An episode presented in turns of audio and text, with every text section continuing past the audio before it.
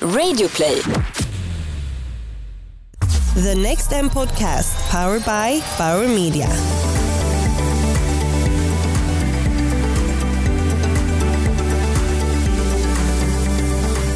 Då vill jag hälsa välkommen till Next M's podcast som produceras tillsammans med Bauer Media. Jag heter Simone Westerberg och jag är vanligtvis COO på mediebyråkoncernen Group M. I den här podden får du träffa såväl internationella inspiratörer som nationella specialister inom marketing och tech. Och jag sitter nu i Bauer Media studio och framför mig så har jag Can you please introduce yourself with name? Of course, hi, I'm Simon Gosling and I'm a futurist with Unruly. Wow, a futurist. Can you please explain to me? I mean, that's uh, in Swedish you would say "Håll käften" title. It's sort of like a top-notch title. Can you please explain what a futurist does? Well, it's a growing job title. When I first took that job title on uh, back in December 2016, it was pretty different. And now online, I'm seeing more and more futurists, um, and it, what they're a really interesting bunch of people. If you look it up in the dictionary, it says someone who makes predictions based on current trends.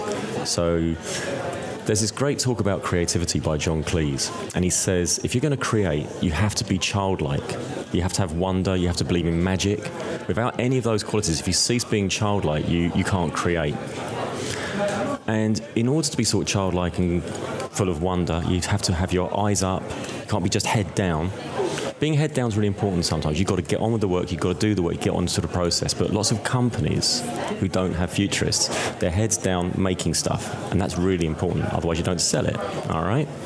But sometimes you've got to have someone who's not doing the heads down, someone who's a bit playful, who's got head up and is looking at what's happening now, current trends, and making predictions on how these things might disrupt your business, okay? And also might disrupt the business of your clients, okay? So, as a futurist, like I say, I make predictions based on current trends. How do I do that?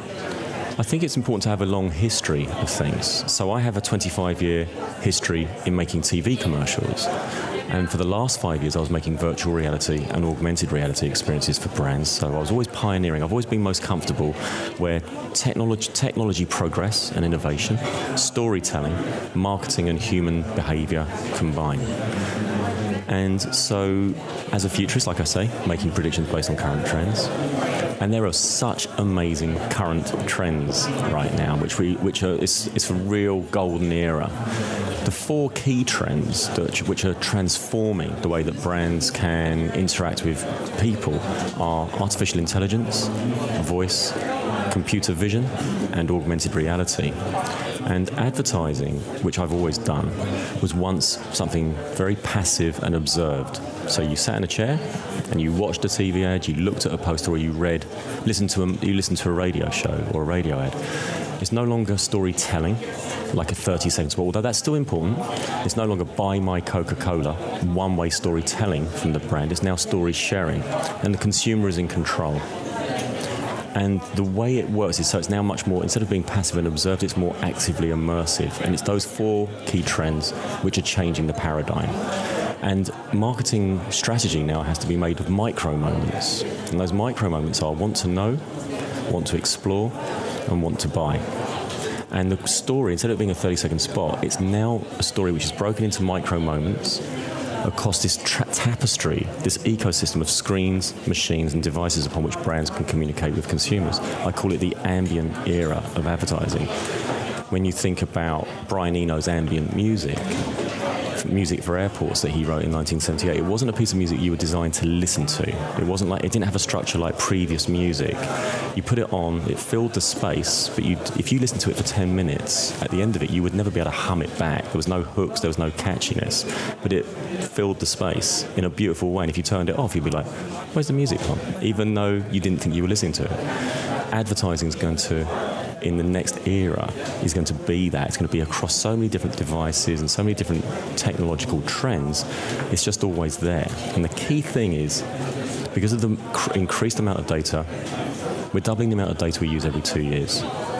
The IoT, in 2013, there were 10 billion item devices connected to the net. By 2020, that's going to be 200 billion according to Intel and according to Google. And voice is increasing massively. The amount of money we spend currently on voice shopping is 2 billion this year in the US and the UK, and it's going to go to 40 billion by 2022. So, as a futurist, I'm saying there's a load of data coming, there's a load of IoT happening, and there's a lot of voice happening, and there's a lot of AI happening. These things, things are going to change. How are they going to change? And it's my 25 years of creating stories using the latest technology, which is enabling me to look at these things and go, ah, I think we're going to be telling stories like this, and instead of it being on one device, we're going to tell it in moments across different devices. It's a huge plate and a huge sort of um, outlook. And um, really interesting. We are going to get back partly on that. Uh, but before we started this pod, we had an interesting conversation about CGIs. Um, and it seems to be sort of a passionate uh, subject matter to you. Can you please explain a little bit about um, what CGI is and how you see how, how that can change the world of uh, communication and, uh, well, in general? Okay, well, of course before I started working with Unruly, one of the I was working with companies like uh, Framestore, who won an Oscar recently for Blade Runner special effects, and they did Avatar, and they did uh, Walking with Dinosaurs, there, and they did Gravity, all the Harry Potter films, and I was a visual visual effects supervisor working with that company. Wow! And so one of the things they did at the time was, you remember the Harry Potter films? There was Dobby, the uh, the house dwarf, and uh, Kreacher, who was uh, another one, sort of house dwarf. When Daniel Radcliffe Harry Potter was acting with these characters. They were CGI, they were computer generated imagery, but it got to a stage where once upon a time CGI characters looked very silicon. And then texturing and uh, the, the, the, actual the lighting, the shading got to such a level where the, the characters started to look extremely realistic. And when you think back to a character like Jar Jar Binks, who you can tell is very CGI, yeah. but then you look at some of the CGI characters that we're seeing in things like Westworld now, for example, the, the, the, CGI is so good, it's hard uh, to see. Sometimes it's hard to know if, it, what, if what you're looking at is CGI or real. And so, anyway, I. Um, Back in 2013, I did a talk, and it was a, a, a, thing called "The Future of Advertising" for the APA in London. And I said that I think that I saw the rise of the YouTube influencer, but I also saw that YouTube influencers could sometimes make mistakes and then and get tro- one day they're heroes, the next day they're trolled. All right, because they're human and they sometimes they, they can be very young and they can do pretty stupid things. We've seen a lot of headlines like that. And so I thought I heard this story that the Gorillaz were the record company's dream, the band the Gorillaz the, the animated, Gorilla, yeah. the animated band, because the Gorillaz being not real, they could do a world tour in one night. You could sell every stadium in every city in every town in the world, have the Gorillaz perform, the people would turn up, they'd watch an animated band, and that would be it. All right, and so um, when when I looked at that, the Gorillaz able to do a tour in one night. All right. When I looked at the fact that I was used to work on retouching of imagery and used to be able to only get your hands on Cristiano Ronaldo for a Nike advert for like 15 minutes and he was gone, and if you didn't get the poses, it got a little bit difficult. I thought we're definitely going to move to a stage where characters that brands use are going to be CGI humans. All right, and that was my prediction back in 2013. And so now, if you go on Instagram, there's a girl called Lil Miquela. All right, she's 19 years old. She's uh, half Spanish, half Brazilian. She lives in LA. She loves surfing and fashion. She, when you go to her Instagram post, it says Black Lives Matter. She's an advocate for social change, all right? But when you look closely, Lil Miquela's not real. She has a CGI face, beautiful girl, all right, on a human body. She gets sent clothes by Chanel, Supreme, Louis Vuitton, you name a designer. She's going to be in Vogue next month. She's got a massive following. It was half a million people two months ago. It's up to about 983,000. She's about to hit a million followers. That's insane. And, and you know, it's, like, it's insane. And I've heard my 16 year old daughter say to me, her name's Lolita, and she says, I really like Lil Miquela. I know she's not real, I know exactly what she is, but she's about Black Lives Matter, she's an advocate for social change, and she says, you know, some, some of the stuff Lil Miquela is doing, or the artist behind Lil Miquela is doing, is more relevant to me than some of the stuff that Kendall Jenner might be saying. All right, and so this is interesting. And then recently, after getting into Lil Miquela as a CGI photograph. Uh, there's loads of images of, of, her on Instagram.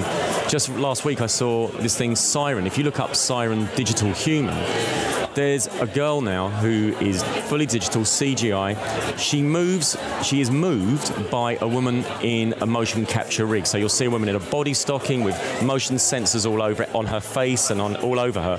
And when that actress, the human actress, moves and talks and does stuff, Siren, the digital human, does it in real time with her. And you know what? Siren's got over the uncanny valley. All right. Once upon a time, we used to look at CGI characters, and if they got realistic, you'd go, "Oh, it looks a bit freaky." Siren, for me, as someone who's always worked in visual effects, was like, "Whoa, this is really getting good. The hair's good, the skin's good."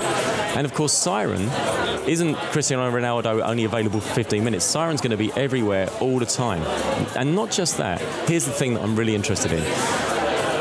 I think that we- we're living in the everything now generation. There are 90 million people, okay, who are on Amazon Prime in America. That's the population of the UK and Australia combined, all wanting something within an hour, all right? People want Spotify to recommend songs based on the artists they listen to. They want recommendations, they want suggestions, and they want a personalized service.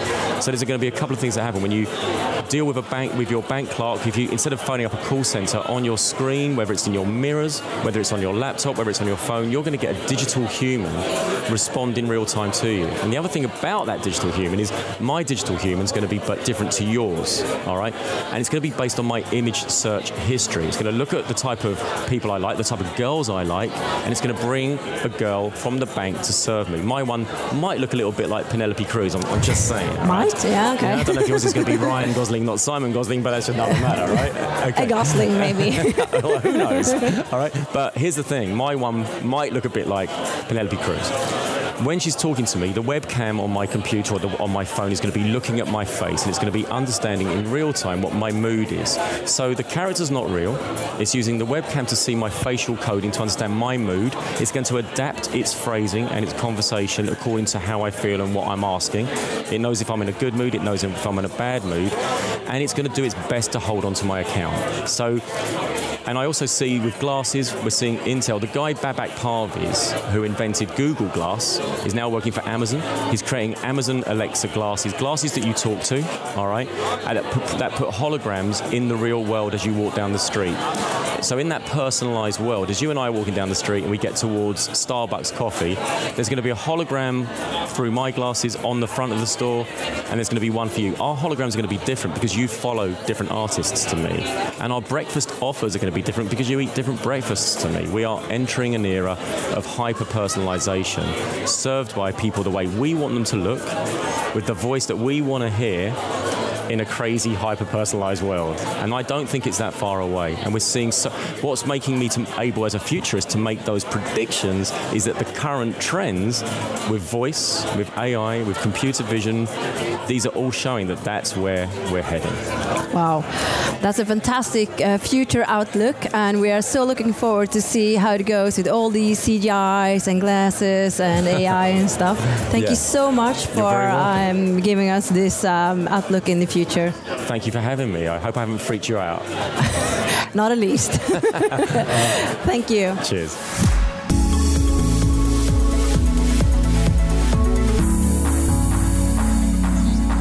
Jag heter Klara Grälsson och är VD på mediebyrån Mindshare.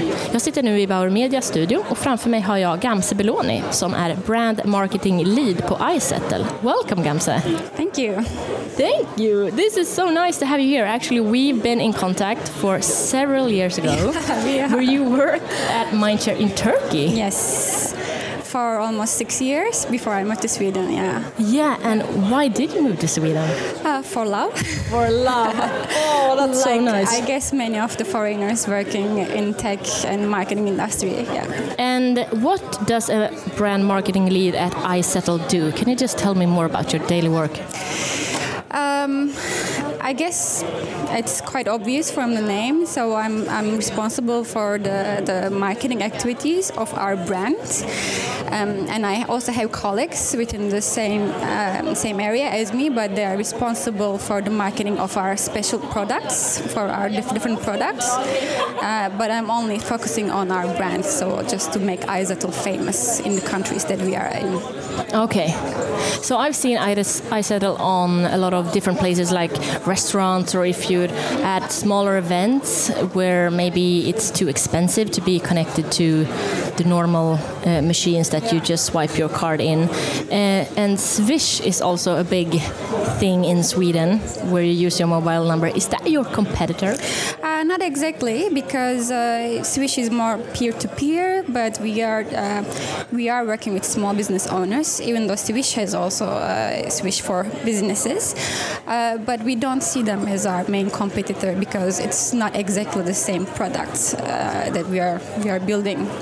Um, but we are happy to have to have Swish kind of brands and competitors uh, within our industry, which makes us more ambitious, and it's a challenging, challenging uh, process for us. Yeah. When did you use cash yourself the last time? In Sweden, I don't remember. Actually, I received a lot of cash from my tax uh, refund, like I know, a couple of months ago, and they're still at home. I don't know how to use them anymore. but uh, yeah, whenever I go to another country, now that I am used to this cashless cashless society in Sweden, I forget to take out cash at the airports, and then I take a cab, and I'm like, oops, how am I gonna pay the cab now?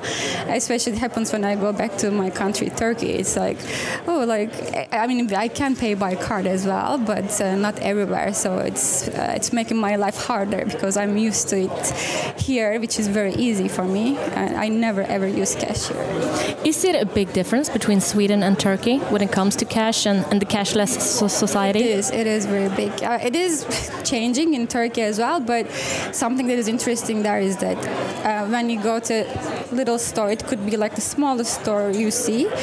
You see maybe like six, seven different uh, POS, like the ca- ca- card readers, because every bank has their own card reader, and if you use their credit card with another card reader, they get extra fee from that. That's why all the small businesses want to have several card readers, so that they don't pay extra. And when I moved to Sweden, seeing only one readers in every store, especially like my own product, it was really big thing for me. Like, oh wow, that's a big technology. It must be almost full on the counter then if they have like five or six of those it is, machines. exactly. Well, I actually did some research on you just before we kind of like had this chat, and on on your LinkedIn profile. Uh, you have a wonderful photo in the top in the header uh, that says mindful strategy session. Is there anything you can tell me about that photo? Not much actually, because uh, it is a photo that uh, I put there maybe like three years ago, and I haven't. I, I just realized that I need to update my LinkedIn profile.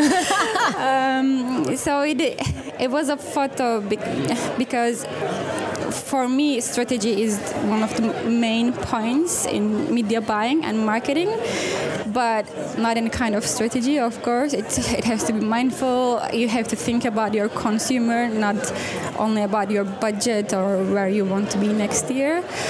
Um, yeah, I think as I remember why I put that picture was it was mainly that, and also to to show I was looking for a job and I put that and I was trying to show that I am I think it's lovely. I am in strategy and that's the most important thing.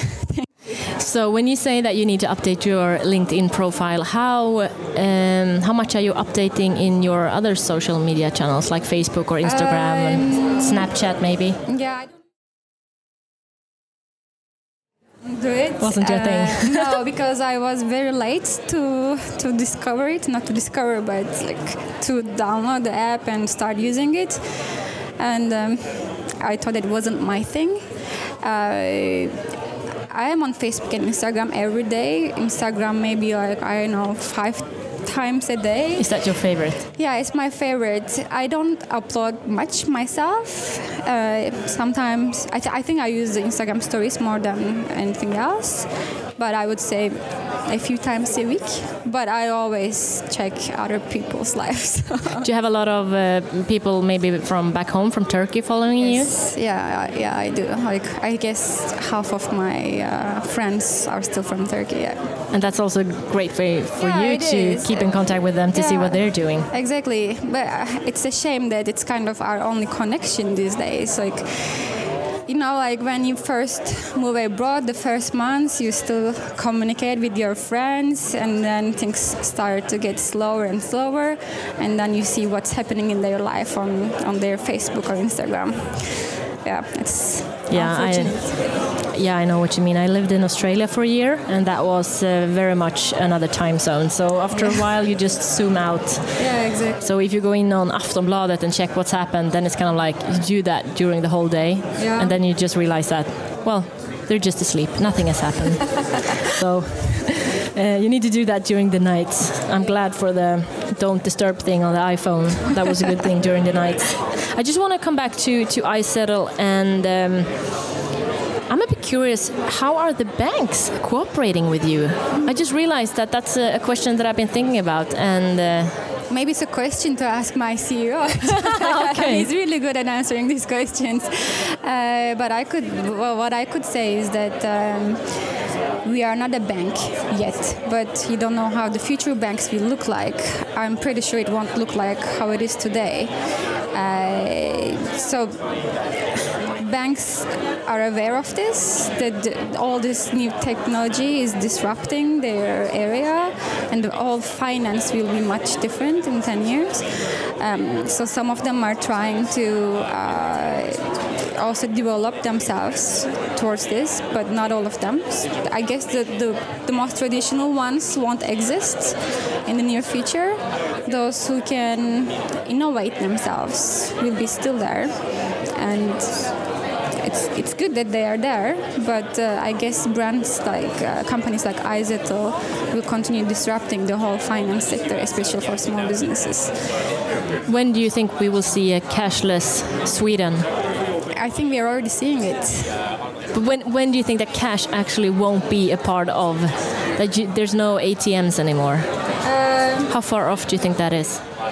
I guess we will still need them for a little longer because um, I actually saw some uh, articles the other day uh, that it was complaining that it, it's hard for older people now because you know maybe not all of them have credit cards or they don't know how to use it and they are not used to use it. It's, it wasn't a part of their life. Uh, so they still like to go to ATMs and withdraw money and pay by cash.